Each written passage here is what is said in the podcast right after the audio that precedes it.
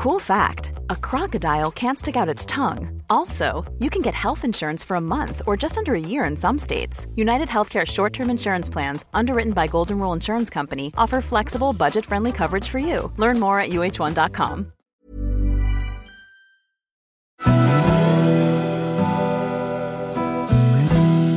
Välkommen till Stora relationsguiden. Podden där parterapeuten Anneli Östling tillsammans med sin sidekick Bella guidar dig genom allt som har med kärlek och relationer att göra. Följt av väl beprövade tips och råd.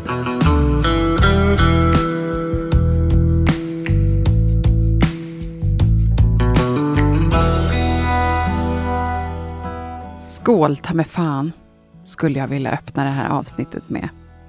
Men med betoning på att fan djävulen själv kan gå in i kroppen på vissa som dricker.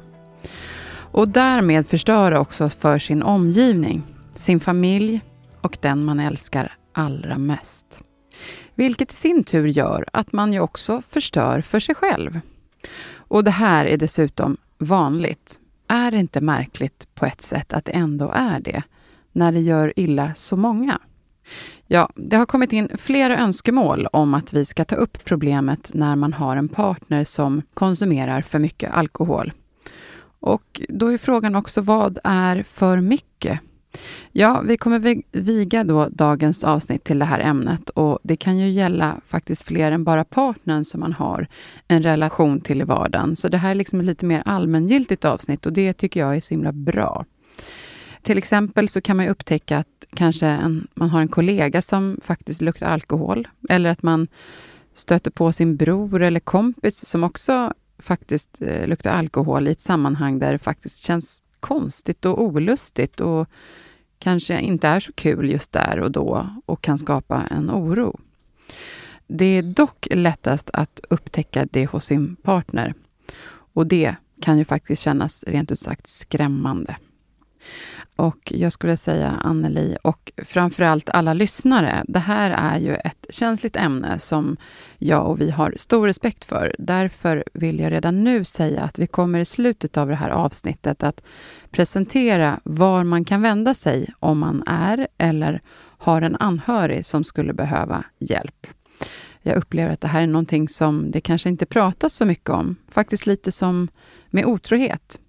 Jag kan tänka mig att det finns faktiskt en hel del skam runt den här frågan. Och Det brukar dock komma upp när vi närmar oss kring ledigheter och det är väl tillfällen då det brukar just konsumeras mer alkohol rent generellt. Eller vad säger du, Anneli, om det här? Ja, under ledigheter brukar vi ju dricka mer alkohol än annars och julhelgerna med tillhörande alkoholtraditioner är inget undantag. Vi börjar ju närma oss jul nu. Mm. Och många har därmed färska upplevelser av hur en närståendes drickande kan skapa oro, irritation, sorg eller ilska och grubblar kanske på vad som finns att göra. Om än bara för att inte behöva utsätta sig själv eller sina eventuella barn att behöva uppleva det här Nej. igen. Mm. Det här brukar också vara anledningen till att många hatar julen. För att de har så tråkiga och jobbiga och smärtsamma minnen av julen. Det har i alla fall jag stött på mm. väldigt många gånger. Och det är ju ofta när man är barn som det här kan komma. Mm. Och många som lever nära en person med alkoholproblem vill ofta förändra situationen för den andra. Kanske har du en partner eller en förälder eller ett vuxet barn eller en nära vän som verkar ha problem med alkoholen. Samma oro kan uppstå varje år, någonting som verkligen drar ner glädje och njutning. Och den här oron av att känna att en person är oberäknelig, alltså det är så smärtsamt och jobbigt. Ja. Och verkligen så sorgligt att det ska behöva vara så. Ja. Och precis som du säger, att det är så vanligt ändå. Ofta så går man ju in, man, man försöker ju lite grann ta över ansvar här, men det blir ju aldrig bra. Nej. Ja, men på tal om att det är så vanligt, kan du säga lite mer ingående hur vanligt det är bland svenska folket? Har du någon siffra på det? Mm. I Sverige så uppskattas en miljon vuxna svenskar befinna sig i zonen för det som vi kallar för riskbruk. Oj, det är alltså mer än en tiondel av... Ja, riskbruk till skadligt bruk, till Mm. olika grader av alkoholberoende. Mm. Mm. Och det är viktigt att veta att de allra flesta med någon form av alkoholproblem ser ut som vem som helst med jobb, bostad och familj. Och bilden av den slitna alkoholisten med obotlig kontrollförlust stämmer alltså inte in på majoriteten av alla som faktiskt lider av det här. Nej. Och det här skrev psykologen och doktoranden Ola Siljeholm som forskar om stöd för anhöriga till personer med alkohol eller drogproblem.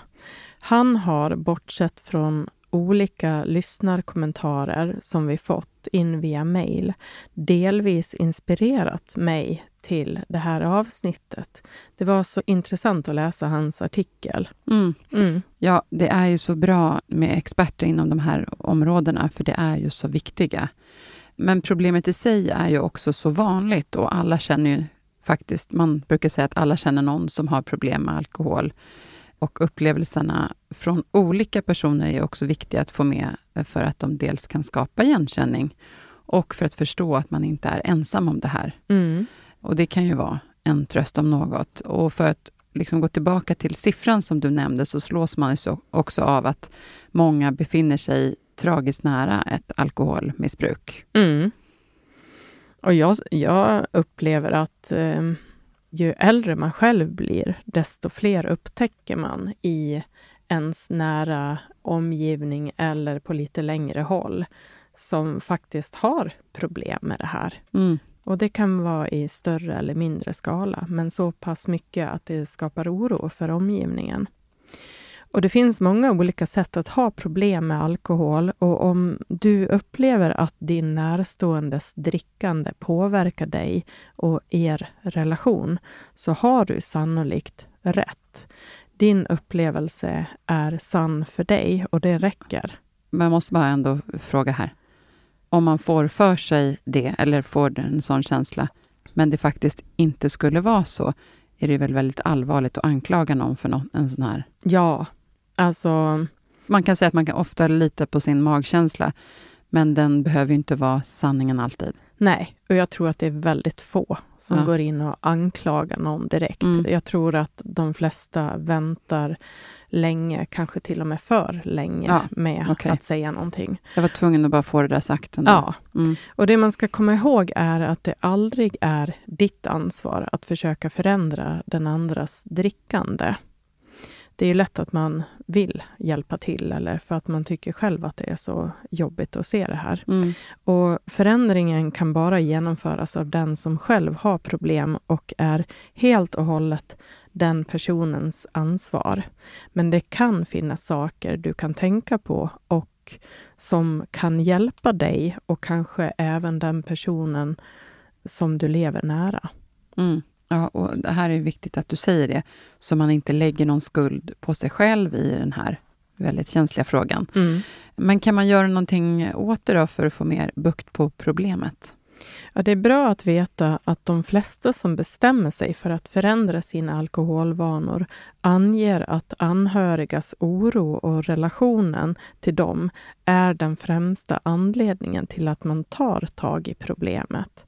Alltså det kan vara svårt att ta tag i det här problemet, men när man väl förstår hur det drabbar andra, då Mm. kan det vara det som motiverar en. Det här är en morot i sig, att höra det som nära anhörig till någon med Mm. problem. Förstå att dra inte på utan säg, berätta hur du känner mot den som har problem. Så Absolut. Mm. Och som anhöriga drar vi oss ofta för att lyfta frågan av rädsla för att skapa en dålig stämning eller att trampa den andra på tårna. Men forskning och erfarenhet visar att vi kan vinna mycket på att föra saken på tal, alltså ta den här risken. Och det gör man ju utifrån en god intention. Ja, Såklart, men och man behöver ju säkert se det som att det här är ju faktiskt ingenting att vänta på. För förr eller senare så kommer man ju att behöva ta upp det. Och om man liksom upplever det som ett problem så känner jag sådär, varför skjuta på det? Det är lätt att skjuta på det som är jobbigt, man vet ju.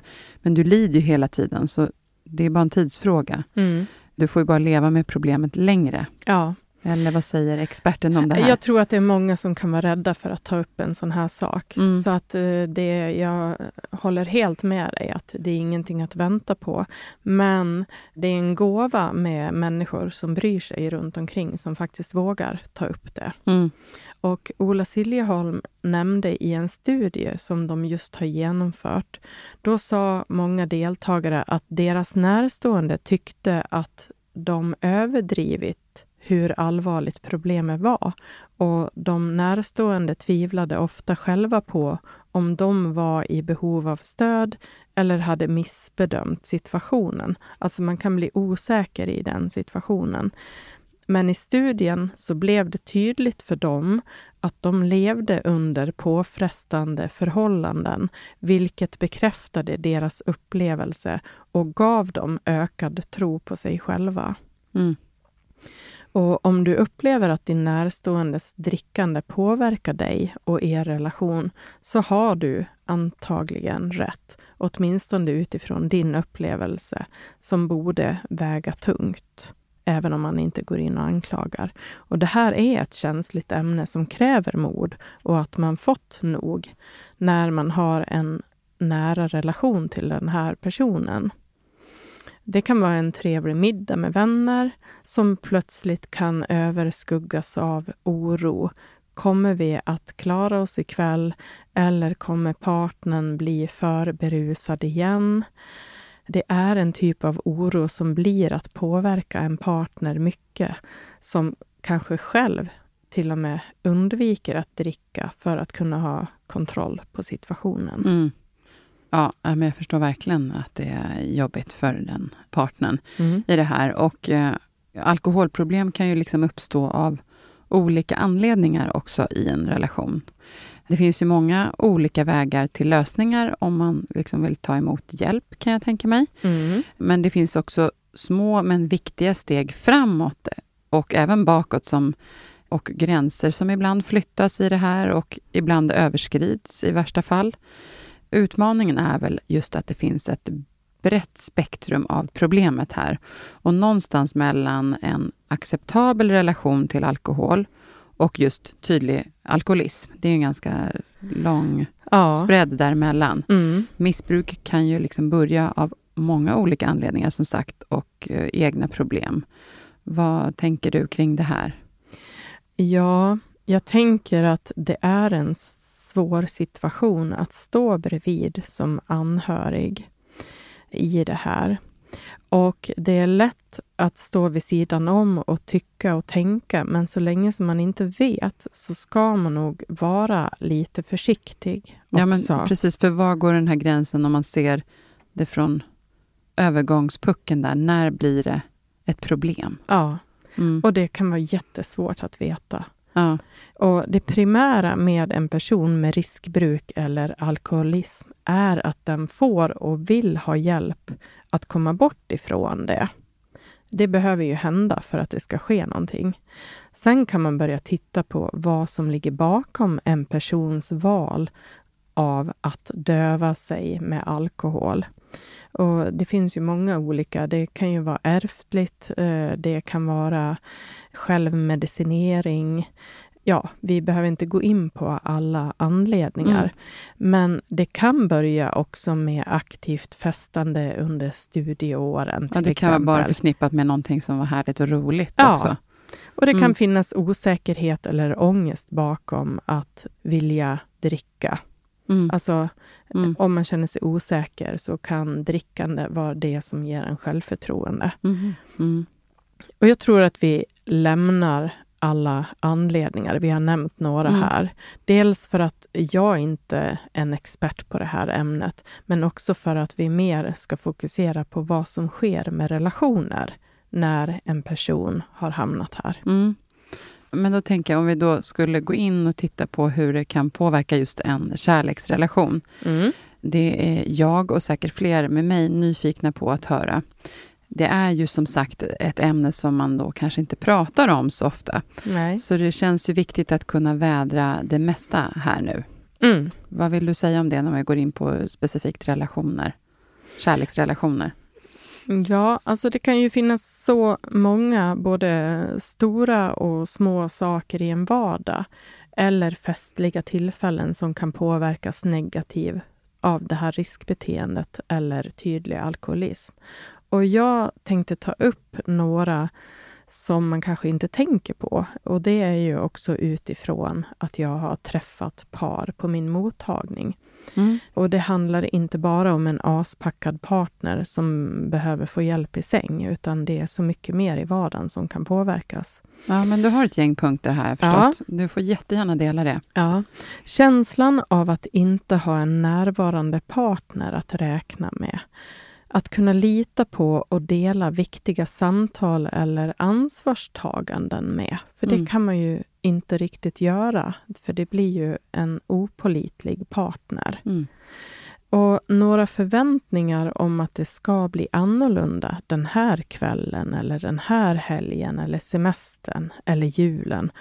Och stora besvikelser av att det faktiskt åter landar i just besvikelse. Mm. Bara för att en partner håller sig ganska nykter en kväll innebär inte att personen inte dricker dubbelt så mycket nästa kväll eller nästa vecka. Så att man, man Just vet aldrig. Ja, man är Ja. orolig för även de här festliga och roliga tillfällena, att de ska förstöras av det här. Mm, Mm. precis.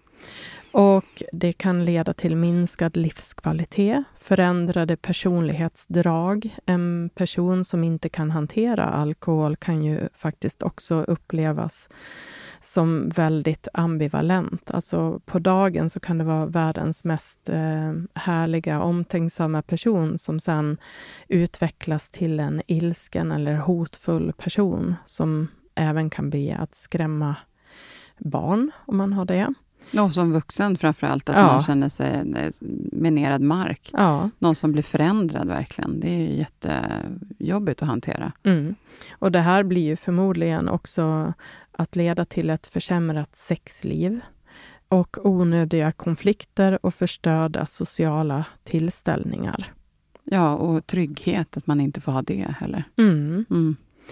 Och anpassningen till alkohol som ett sätt att överleva med en partner leder inte till annat än att få ägna mer tid åt oro och rädsla än att fritt kunna njuta och glädjas med sin partner. Alltså om man anpassar sig och försöker att liksom skydda partnern i det här och det kan ju direkt leda till ett medberoende. Mm. Osunt känner man Ja. när du berättar det här. Mm. Mm. Och sen kan det vara drömmen om att se sin partner engagera sig i sina barn. Kan göra vem som helst extra kär. Och man ömmar ju också för barnen som känner en saknad av en närvarande förälder. Även om de inte visar eller säger det. Alltså, barnen känner ju. Mm. Och de kanske inte heller vågar säga någonting. Så besvikelsen kan verkligen kännas för barnen som bara längtar efter att känna sig sedda och älskade på riktigt med en trygg förälder. Mm. Ekonomi kan vara ett annat område som inte känns bra om stora belopp läggs på någonting som mest upplevs som destruktivt eller om prioriteringen är att först åka till Systembolaget. Ja, och det är dessutom ingenting som någon mår bra av. Nej. Det bara gör, lägga pengar på något som folk mår dåligt av. Mm. Skam och oro. Ja, Att behöva skämmas över sin partner och samtidigt försöka skydda personen i fråga för att man inte vill visa hur det egentligen ligger till inför vänner, familj och kanske barn. ja det måste vara jättejobbigt att Ja, hantera. ja. Otroligt jobbigt. Och när man lägger ihop alla de här sakerna så Mm. är det ju mycket som en partner eller anhörig får bära på. Och Det blir svårt också att uppskatta gemensamma händelser som helger och fester då de ofta innebär kanske bråk, oro och pinsamma situationer. Ansvarstagande för vardagliga sysslor som bör vara gemensamma kan också falla bort på grund av att en, en partner är berusad och inte kan köra barnen till träningen eller att man helt enkelt inte orkar bidra med det som behöver göras hemma. Mm. Ja. Samtidigt så påverkar alkoholen hälsa och sömn, vilket i sin tur leder till dåligt humör och minskat engagemang. Så vänskap och familjerelationer kan bli skadade eller avbrytas. Det blir en, en sjuk situation. Liksom. Ja, och det är ju en sjukdom ja. eh, faktiskt, ja, säger man ju. Precis. Ja, men jag tänker, det här är ju verkligen tydliga punkter som jag gissar att ingen skulle vilja hamna i egentligen. Eh, men jag gissar också att man nog kanske inte har den här självinsikten om man är en person med alkoholproblem och som låter det här liksom drabba sin omgivning och sitt eget liv också.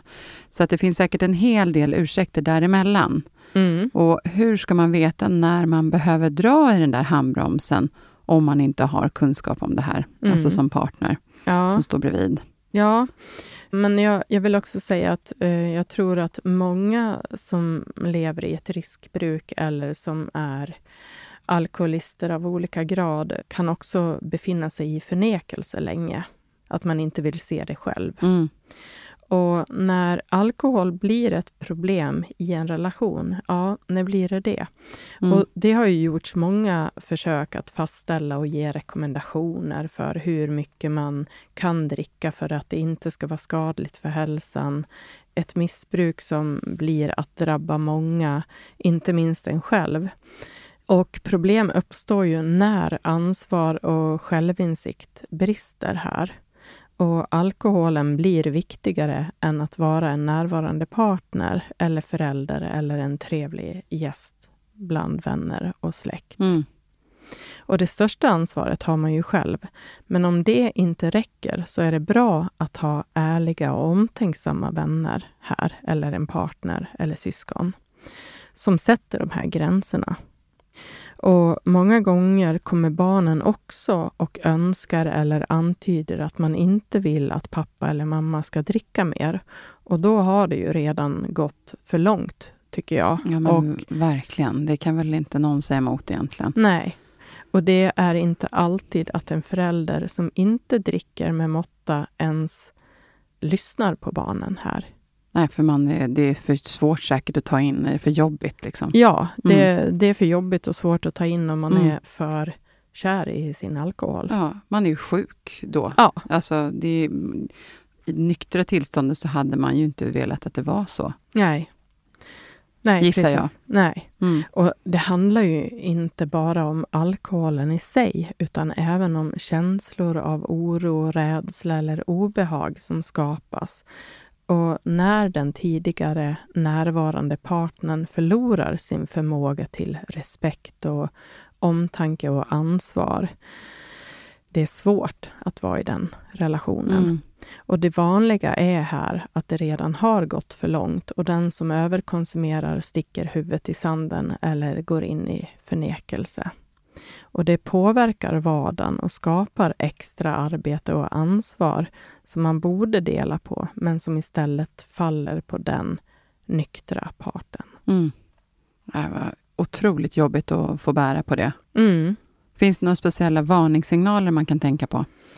Ja, de här förändringarna kan ju ske gradvis. Och både familj och vänner och arbetsgivare kan anpassa sig till situationen ganska länge och alla vet vad som pågår, men ingen vågar ta upp det. Det är ju en fara både för... Ja, men det kan ju bli katastrof. Att alla blir medberoende och bara... Ja. Mm. Mm. Och det blir inte bra om du ger upp dig själv för att du tror att du kan rädda din partner ifrån det här. Jag tror det är ganska vanligt och det är väl typiskt medberoende. Man försöker att kompensera för den andra. Och undvik att ta de här samtalen när personen i fråga är berusad. Det här är ju en varningssignal. För det kan få en situation att eskalera och bli extra jobbig och obehaglig för dig som redan känner ett obehag i det här. Att möta en personlighetsförändrad partner som överhuvudtaget inte är mottaglig. Nej, det, det bara, kan kännas skrämmande. Ja, och säkert bara dumt för att då är den inte vid sina sinnens fulla bruk, som man brukar kalla det, Nej. tänker jag. Nej. Nej. Men när man just har liksom fått varningssignaler, då tänker man att de ska fungera som en siren. Mm. Just att liksom ge den här alarmerande varningen om att ändring måste ske. Ja. Eh, det är det jag menar när jag tänker på sirenen, att det liksom ska märkas tydligt att mm. nu måste någonting, en hjälp in här på något vis. Ja. Och då skulle jag vilja bara knyta tillbaka till det som jag sa tidigare, att förr eller senare så kommer man ju behöva ta upp det här. Om man liksom upplever det som ett problem. Mm. Så varför skjuta på det? Och jag förstår att det är lätt att sitta för oss och säga det här, om vi inte lever i det. Men så är det egentligen med de flesta problem i livet. Det blir inte bättre för att man skjuter på det, tvärtom. Nej. Det blir jobbigare och tyngre och tyngre och tyngre att gå och bära på. Så, um, så ja, man måste helt enkelt våga lyfta frågan. Mm. Och man kan säkert, liksom då, det finns ju hjälp att ta som vi kommer till i slutet, var man kan vända sig för att få sådana konkreta råd hur man ska gå tillväga. Mm. Mm. Men jag tänker så här att ska du ha ett samtal med din partner eller närstående så finns det några saker som du behöver tänka på. Mm. Och det är att välja en bra tidpunkt och en plats där man kan ostört sitta och prata och vara nyktra.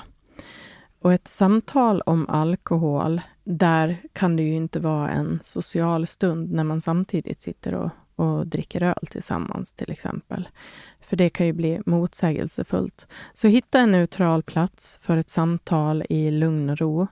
Och försök beskriva så konkret som möjligt vad som har väckt din oro som hänvisar till eh, specifika konkreta händelser. Och Det är också viktigt att se och hantera det här samtalet med respekt och låta den andra komma till tals. Alltså det är ju lätt att man kan vara arg och att man har laddat för det här samtalet länge, men det blir ofta inte lyckat om man har taggarna ut här. Men det kan vara svårt att behålla ett lugn. Mm.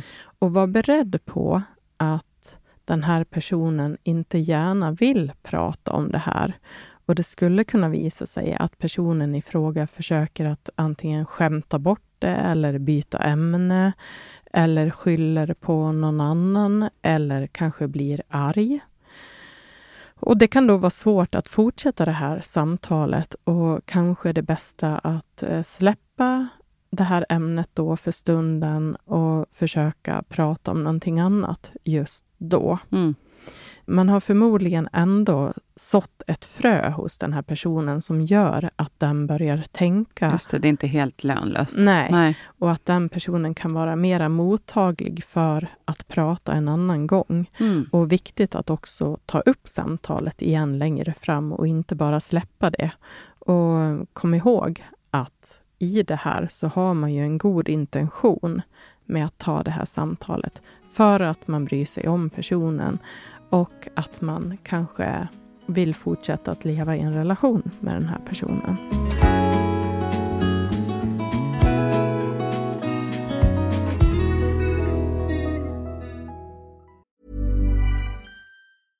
Ryan Reynolds här från Mint Mobile. Med priset på nästan allt som går upp under inflationen, trodde vi att vi skulle bring våra priser down. So att hjälpa oss, we brought in a reverse auctioneer, which is apparently a thing.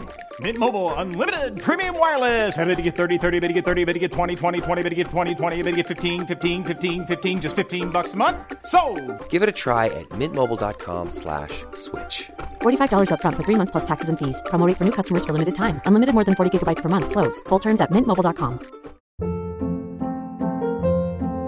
Hold up. What was that? Boring. No flavor. That was as bad as those leftovers you ate all week. Kiki Palmer here, and it's time to say hello to something fresh and guilt-free. Hello Fresh. Jazz up dinner with pecan-crusted chicken or garlic butter shrimp scampi. Now that's music to my mouth. Hello Fresh. Let's get this dinner party started. Discover all the delicious possibilities at hellofresh.com. Ja, men sen så har vi, som vi nämnde tidigare också, det här med att det är skambelagt, det här ämnet. Så här gäller det också hur man ska säga det. Och vad har du att säga om det, Anneli? Ja, om du vill samtala om den här frågan så är ett gott råd att inleda din mening med jag istället för du. Alltså ordet du känns ofta anklagande och gör att vi eller den andra går i försvarsställning. Och Det kan vara så att jag blir orolig när och kan på så vis vara ett bra sätt att inleda en mening. Du kan också uttrycka en osäkerhet.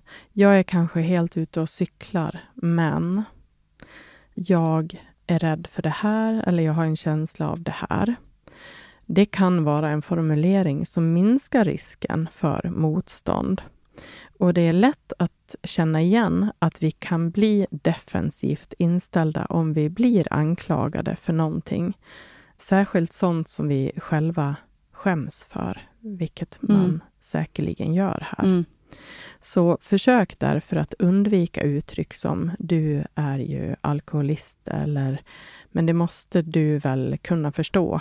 Du har all rätt att vara upprörd, men den typen av formuleringar leder sällan till konstruktiva samtal. Just det, men och istället för du är ju alkoholist, så skulle man säga jag upplever att du har problem med alkoholen. Ja, Eller? Att... jag upplever att du konsumerar mycket alkohol. Ja, just det. Eh, man ska inte ens säga att du har problem. För då, nej, nej, man kan säga att jag upplever att mm. du har problem med alkohol och det här mm. gör mig lite orolig. Jag vet inte om det stämmer, men det känns viktigt för mig att ta upp det här med mm. dig. För ja. att jag bryr mig om dig och jag känner att min oro börjar bli så stor. Ja, mycket tänkvärt och bra tips där, Anneli. Ja.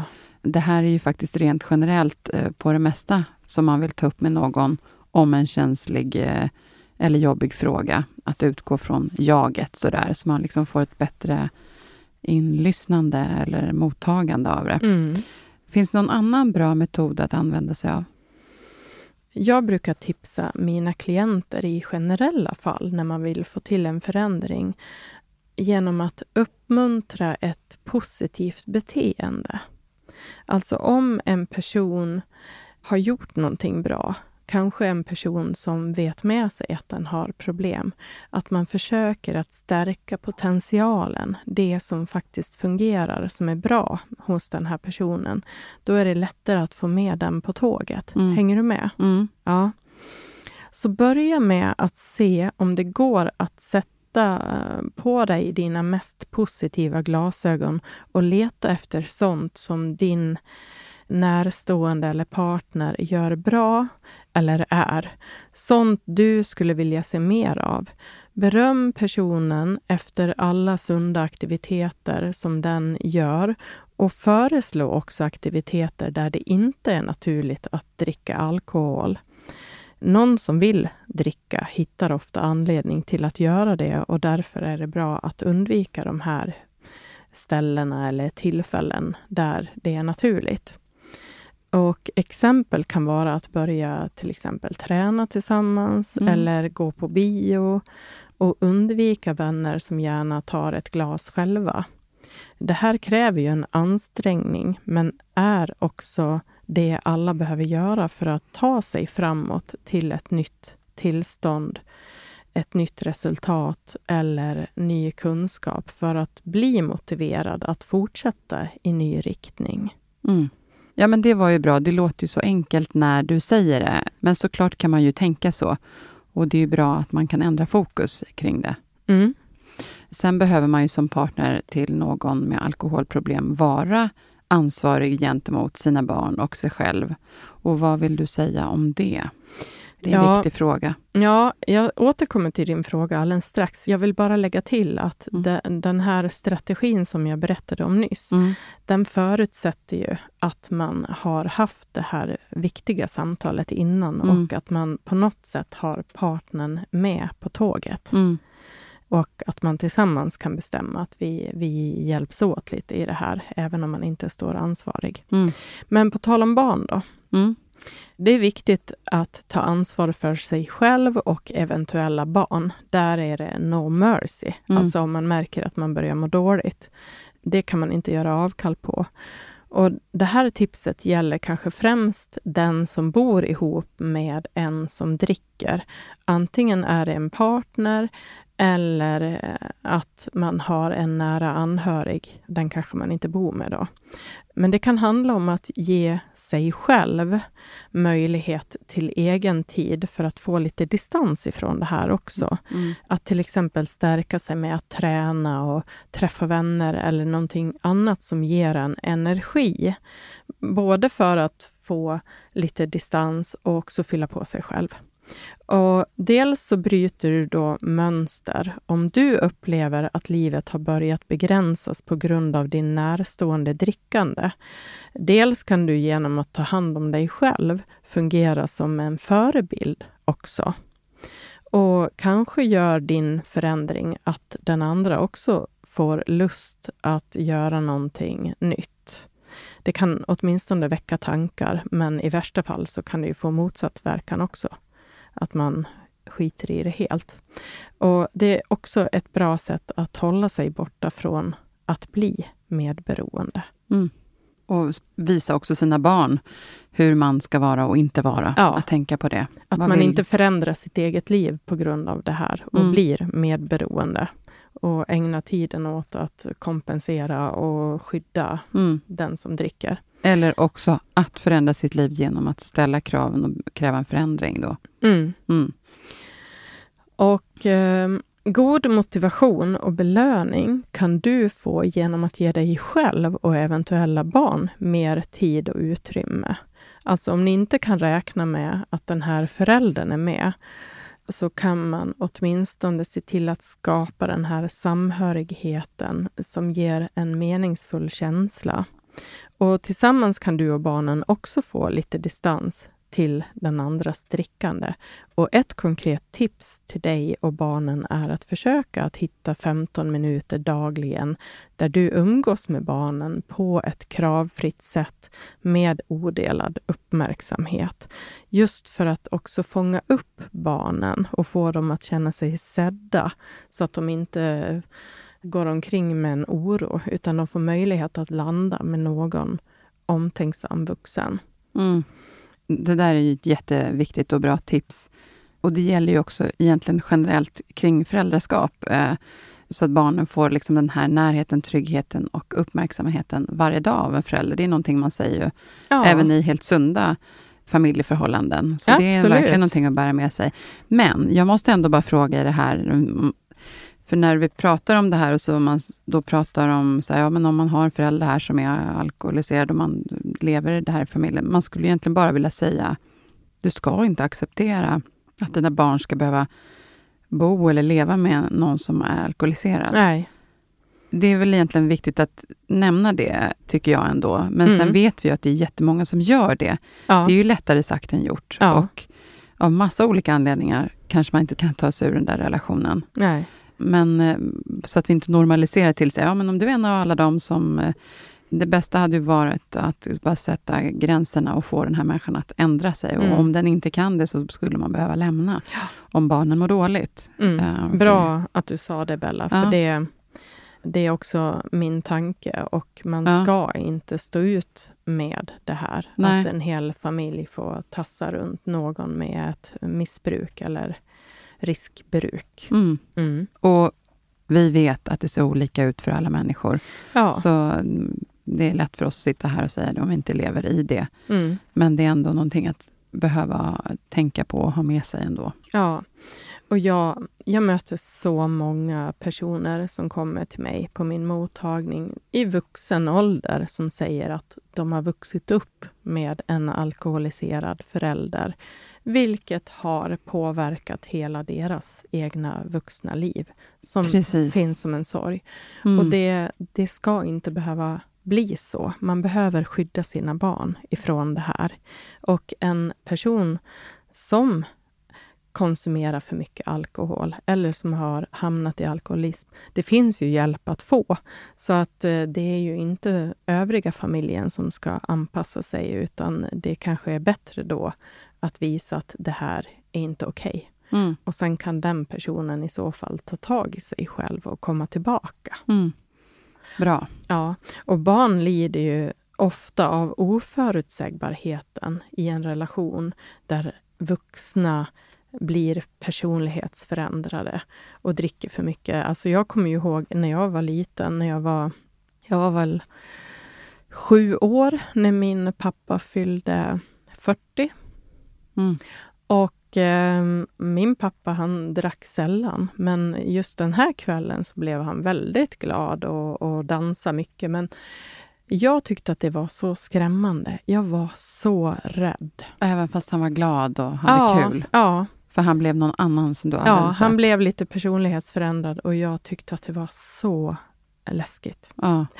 Det är ett minne jag har med Och det mig. var ett tillfälle. Ja, Mm. det var ett tillfälle. Och där kan jag också stryka under på att man har lidit av både som litet barn och större barn när man har sett andra vuxna som blivit personlighetsförändrade när de dricker. Ja, Det är liksom inte tryggt någonstans, tvärtom.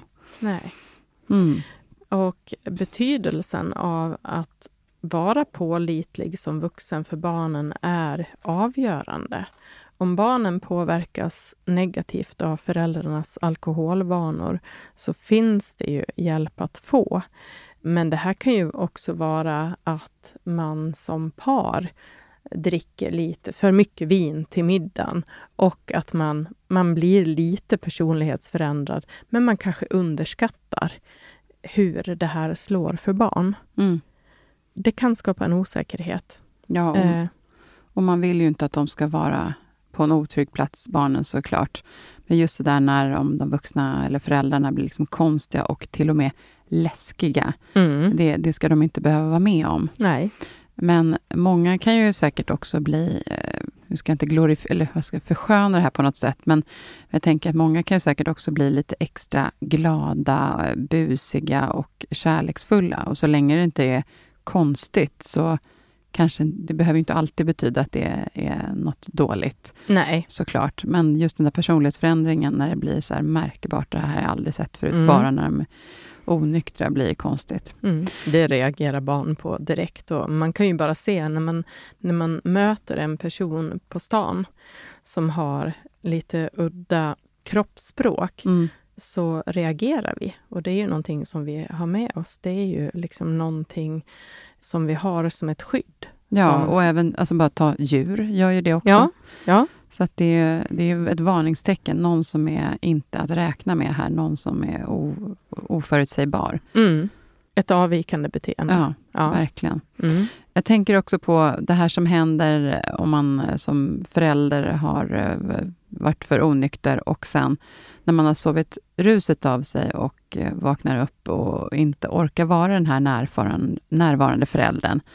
Och hur känns det egentligen som förälder? Och hur upplevs det för barnen? Att tänka på det också. Vad det sänder för olika signaler och hur man är och hur man känner sig i sig själv.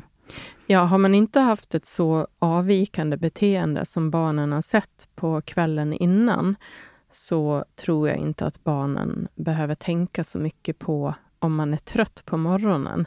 Men skulle man ligga i sängen till två bara för att man behöver sova ruset av sig och inte kan ta hand om barnens behov av mat eller liksom vad det nu kan vara, då tycker jag att då har det gått lite långt. Ja, men och att det händer ofta. Ja, Alltså nej, att det men, skulle vara ett återkommande, det går ju inte. nej, Nej. nej. Ja, men sen kommer vi till det här, jag går vidare. Mm, Eller har du någonting mer du vill säga just kring barn och föräldraskap Nej. i det här? nej. Nej, men en allvarlig sak att, eh, en allvarlig punkt är det. Verkligen. Mm. Sen kommer vi till det här med att inte bli medberoende eller inte för medberoende. Mm. Vad ska man göra för att skydda sig från en partners alkoholproblem? Ja, det är påfrestande att leva nära någon som dricker för mycket och eh, internationella studier visar att närstående till någon med alkoholproblem mår generellt sämre än normalbefolkningen. Mm. Viktigt att du sa det nu, Ja.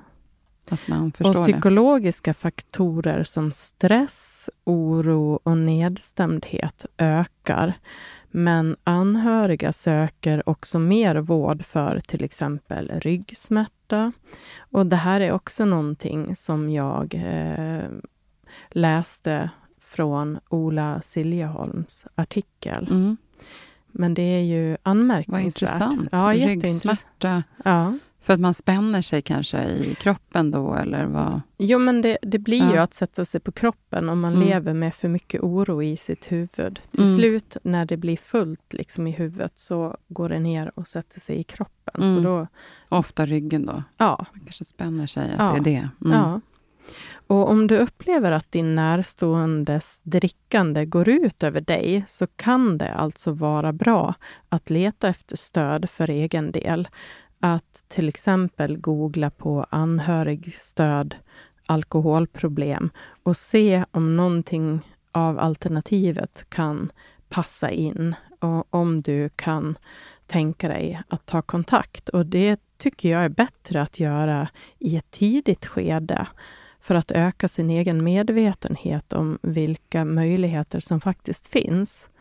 Och in, en del fall finns det inget du kan göra för att påverka den andras drickande och då kan en stödkontakt kanske hjälpa dig att hitta dig själv igen och landa i att du har gjort vad du har kunnat för den du älskar. För det kan ju säkert kännas jobbigt att överge någon. Det blir inte bra om du ger upp dig själv för att du tror att du kan rädda din partner. Du har redan gjort tillräckligt mycket. Mm. Mm. Det behöver man bara förstå. Ja, och vad bra att du berättar det här, Anneli. Mm. Jag vet ju att du har med dig också ett eh, gäng konkreta råd här som du har listat. Kan du ta dem nu innan vi avslutar? Mm, absolut. Du som upplever att din partner konsumerar för mycket alkohol, välj ett bra tillfälle och ta en känslomässig risk och berätta om dina känslor och oro runt din partners drickande. Alltså börja meningen med att jag upplever eller jag känner mig orolig för istället för att eh, anklaga. Så undvik att anklaga och var beredd på att din partner kan känna sig obekväm i det här. Och du kan försäkra din partner att du berättar det här för att du bryr dig om er relation och framtid och om partnerns hälsa. Mm. Och undvik att konfrontera din partner eller annan som är i ett berusat tillstånd och har ett för dig obehagligt och eller skrämmande beteende. Risken är stor att du blir mer ledsen och rädd och får utstå elakheter och kränkningar. Undvik om du kan och ta upp samtalet när personen är nykter igen. Det är ofta nästintill omöjligt att komma fram till någonting bra när den andra är i ett berusat tillstånd. Ja, men det förstår man ju. Mm. Men jättebra att poängtera det, för det är nog lätt att man gör det när det väl sker, när man känner att bägaren rinner över. Absolut. Erbjud ditt stöd och förståelse för att ta itu med problemet tillsammans om du är stark nog att orka med det. Och Det finns ju olika stadier och i början kan det i bästa fall vara hanterbart, åtminstone för att söka stöd och hjälp eller om man inser problemet och vill försöka på egen hand. Uppmuntra också till gemensamma mål och ansvarstagande för att skapa förändring utan att ta på dig för stort ansvar. Och gör inte avkall på dig själv och dina egna behov för att kunna må bra. Ja, men jag tycker den där grejen när du sa med träning, ska vi inte börja träna ihop? Det kan ju vara någon typ av vändning om man har tur. Ja, om inte steget till träning är för långt. Det beror ju Mm. på vad man, vad man är i för stadie. Ja, man Mm, kanske inte men- har den orken då. Man, Nej, det kan vara Mm. långa promenader eller Mm. ja. Och om din partner inte är mottaglig för diskussion, överväg om kärlek och respekt i relationen är viktigare än problemet och valet av alkohol. Alltså om, om personen hellre väljer alkohol. I vissa situationer kan det bli nödvändigt att överväga om relationen kan fortsätta om du och eventuella barn redan mår dåligt i situationen, då bör man lämna. Absolut. Mm. Mm. Och om du tycker att det är svårt att ta upp det här ämnet och det inte leder någon vart, kan det vara tecken på medberoende. Då kan både du och din partner behöva professionell hjälp och det finns också stöd som du kan få om du själv inte klarar av situationen. Alltså, man kan behöva hjälp här. Och det kommer vi till här nu på slutet, var man kan vända sig. Absolut. Mm. Och sist men inte minst, om barn är inblandade, överväg deras välmående och ta ansvar för deras trygghet och hälsa. Börja med att prata med någon professionell för att få råd om hur ni kan hjälpa era barn att må bättre och få det stöd som både de och ni behöver. Jätteviktigt. Ja. Superviktigt. Men jag kommer att tänka på en sak med det. Får jag bara fråga? Mm. Kan det vara så att folk också kanske blir lite oroliga för att de ska lite förlora barnen om de bedömer att barnen lever under dåliga former, liksom att de vågar inte ta hjälp då? Så kan det absolut vara. Ja. Och eh, det sker väl kanske om man själv har tappat kontrollen över situationen. Men förhoppningsvis så finns det spår av ansvarskänsla kvar. Och så länge som man ber om hjälp, det är ju ett ansvarstagande. Mm. Sen beror det ju på hur illa det är. Mm. Och i andra fall, om omgivningen ser att barn far illa, då kan man ju hoppas på att de gör en orosanmälan. Mm. Och det är ju faktiskt det som blir skrämmande och baksidan av det här. Om man inte tar sitt vuxna ansvar och hanterar alkohol på ett bra sätt, så ska man inte utsätta barn för det. Och Nej. då kan det bli som så att andra får gå in och eh, ta det här ansvaret. Mm. Barnens välmående är i första hand. Så. Absolut. Ja, men jättebra. Mm. Ett allvarligt eh, och viktigt, superviktigt avsnitt. Ja, Så, och det här kan vi ju ja, säga också nu eftersom julen eh, och gläntar på dörren. Ja, Mm. precis. Så är ju det här någonting som kommer bli aktuellt för många. Så det här kan ju vara ett tillfälle att eh, prata lite om det här. Mm. Eller att själv reflektera över hur vill jag ha den här julen? Mm. Kan jag undvika den här typen av situationer och vågar jag sätta gränser för anhöriga eller en partner som dricker för mycket? Ja, precis. Och det är nog ett jättesteg att göra det med sin partner. Om inte du kan hålla dig borta från alkoholen, då kommer du behöva vara borta från julen. Mm. Den tror jag är supersvår, eh, utmanande. Mm, Mm. Jag kan inte svara på hur man hanterar den, men om det inte är någon som bor i ens hem och är en släkting och man säger jag vill att mina barn ska få en trygg och fin jul och om du ska komma och dricka alkohol, då upplever jag inte att det känns tryggt för mina barn.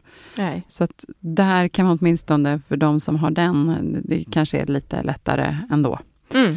Men som sagt, det finns hjälp att få. Det, det ska berätta om var man kan vända sig. Här. Ja, Mm. och man kan faktiskt tacka nej till tillställningar där det finns någon Ja. som aldrig kan begränsa sitt alkoholintag. Och då får de ta det. Ja. Mm. Jag tänker så här, om vi så bara hjälper en endaste familj eller ett par, så blir jag glad över det Ja. efter det här. Så här kommer nu de här viktiga kontaktuppgifterna till de som behöver söka stöd. Och fundera inte, vill Nej. vi säga, utan gör det bara. Mm. Du kommer förhoppningsvis att känna dig mer lättad över det, eller det gör man väl i slutändan i alla fall. Och viktigt är att då inte hålla allt inom sig, utan ta den här kontakten. Mm. Så, om du är anhörig till någon med beroendeproblematik och söker stöd och råd, eller om du behöver själv stöd och råd i frågan, så kan vi rekommendera kontakt med Alkohollinjen på då webbsidan www.alkohollinjen.se. Och sen har vi ett nummer till dem som är 020 84 44 48. Eller man kan vända sig till Droghjälpen som är droghjälpen.se. Och där är det 020 91 91 91. Och sen har vi även det sista Alkoholhjälpen som då är alkoholhjälpen.se. Där finns också mycket användbar information samt ett forum också för anhöriga. kan Det är vara viktigt att ha med sig. Mm. Och vi kommer lägga ut det här i våran, eh, våra Zoom sociala kanaler så man kan se de här kontaktytorna väldigt enkelt. Mm. Men nästa vecka, nu avslutar vi här och så säger vi att nästa vecka, då ska vi prata om något som gör oss gladare inför och under julen. Och även vad som kanske inte heller gör oss gladare. Så man vet vad man ska tänka på inför. Så man kan liksom hjälpa sig själv och relationen till en så bra jultid som möjligt. Det låter ju härligt. Ja, Alltså, det är en härlig tid vi har framför oss. ja det, är kan det. bli det det. kan bli det. Och ja. Om man bara med lite planering och tankar inför så kan man hjälpa sig själv och i alla fall, Mm. alla fall få den så bra och förhoppningsvis så stressfri som möjligt. Mm. Ja, Och vi kanske kan inspirera lite. ja, Mm. ja men precis. Men då säger vi tack till idag till alla lyssnare och stort tack till Jens som är vår producent här från Stray Dog Studios och Anneli igen. Så himla värdefullt att få ta del av all din kunskap och alla dina kloka råd. Vi hörs nästa vecka igen. Ja, tack själv, Belle. Vi hörs.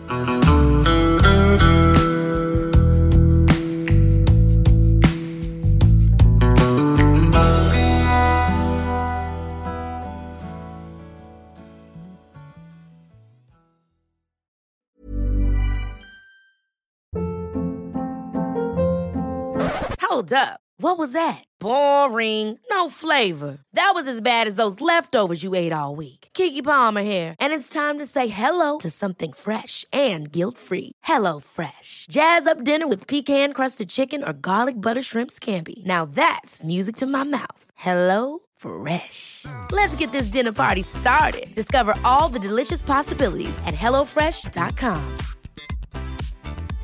Imagine the softest sheets you've ever felt. Now imagine them getting even softer over time. That's what you'll feel with Bowl and Branch's organic cotton sheets. In a recent customer survey, 96% replied that Bowl and Branch sheets get softer with every wash. Start getting your best night's sleep in these sheets that get softer and softer for years to come. Try their sheets with a 30-night guarantee. Plus, get 15% off your first order at bowlandbranch.com. Code BUTTERY. Exclusions apply. See site for details.